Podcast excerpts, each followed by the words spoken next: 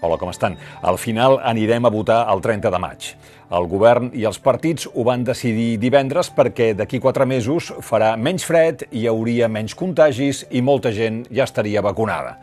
Per arribar a aquesta conclusió tan lògica, millor hauria estat no convocar-les al febrer, o convocar-les però haver implementat el vot electrònic, per exemple.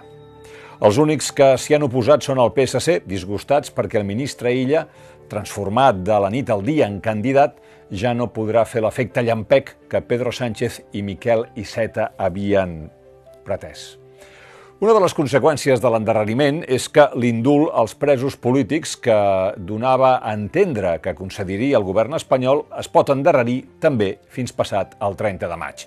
Avui expliquem que des de la Moncloa el PSOE i el PSC creuen que la cosa més important és desviar el procés de la precampanya electoral que Esquerra estan convençuts que si arribés l'indult seria parcial, és a dir, que es permetria sortir de la presó però en cap cas exercir de candidats, i fons de la direcció del PSC diuen, amb indignació, que si el govern no té pressa per votar, tampoc Sánchez té pressa per resoldre els indults i que els socialistes creuen que concedir els indults abans de les eleccions els perjudicaria. I en aquestes, amb aquest eh, panorama, apareix Pablo Iglesias.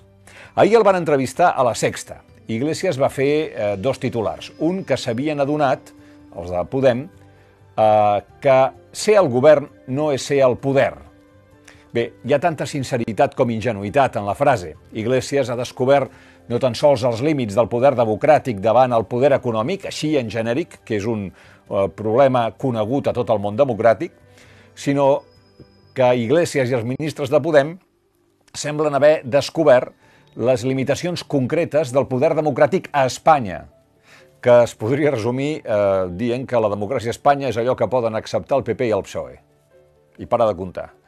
I si en volen una prova, en matèria de monarquia, el que volen el PP i el PSOE és exactament el mateix, com vam veure la setmana passada, quan el PSOE va anunciar que votaria en contra d'investigar al Congrés les targetes opaques del rei Joan Carles, tot i que aquesta vegada els lletrats del Congrés havien redactat un informe favorable a la investigació. Però el segon titular mm, que vull destacar és un que farà soroll, de fet serà un d'aquells titulars que li recordaran a Pablo Iglesias tota la vida. ¿Por qué el rey emérito es un fugado y Carles Puigdemont es un exiliado, que es como le llama usted a uno y a otro.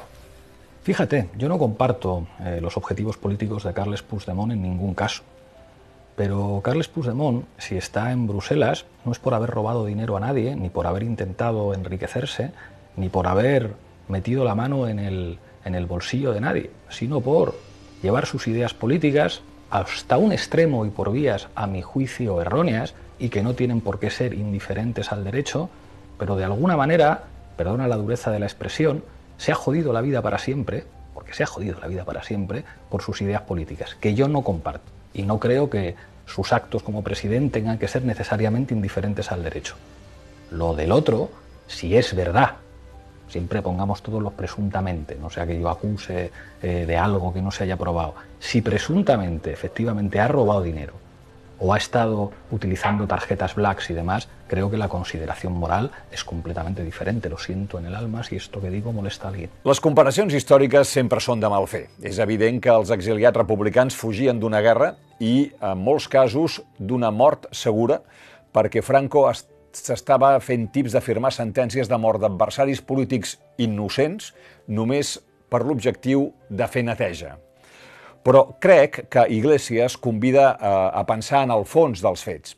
A Espanya, algú que lluita per les seves idees polítiques, convertides en majoria parlamentària, i les materialitza, després d'haver-ho provat tot, veu la repressió de l'Estat, fins i tot la repressió violenta, i s'exilia perquè sap que no tindrà un judici just. I no s'equivoca.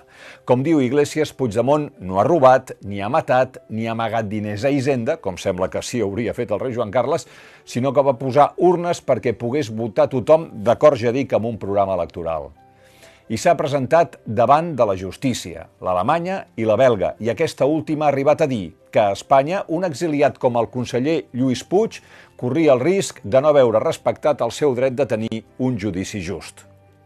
Igual que el PSOE posa eh, en evidència, o es posa en evidència, quan corre a protegir el rei i demostra que no tots som iguals davant la llei, tot el govern de la Generalitat, repartit entre la presó i l'exili, més Jordi Cuixart i Jordi Sánchez, van posar l'estat espanyol en evidència, sobretot en allò de, en absència de violència, es pot parlar de tot. Ja van veure que no.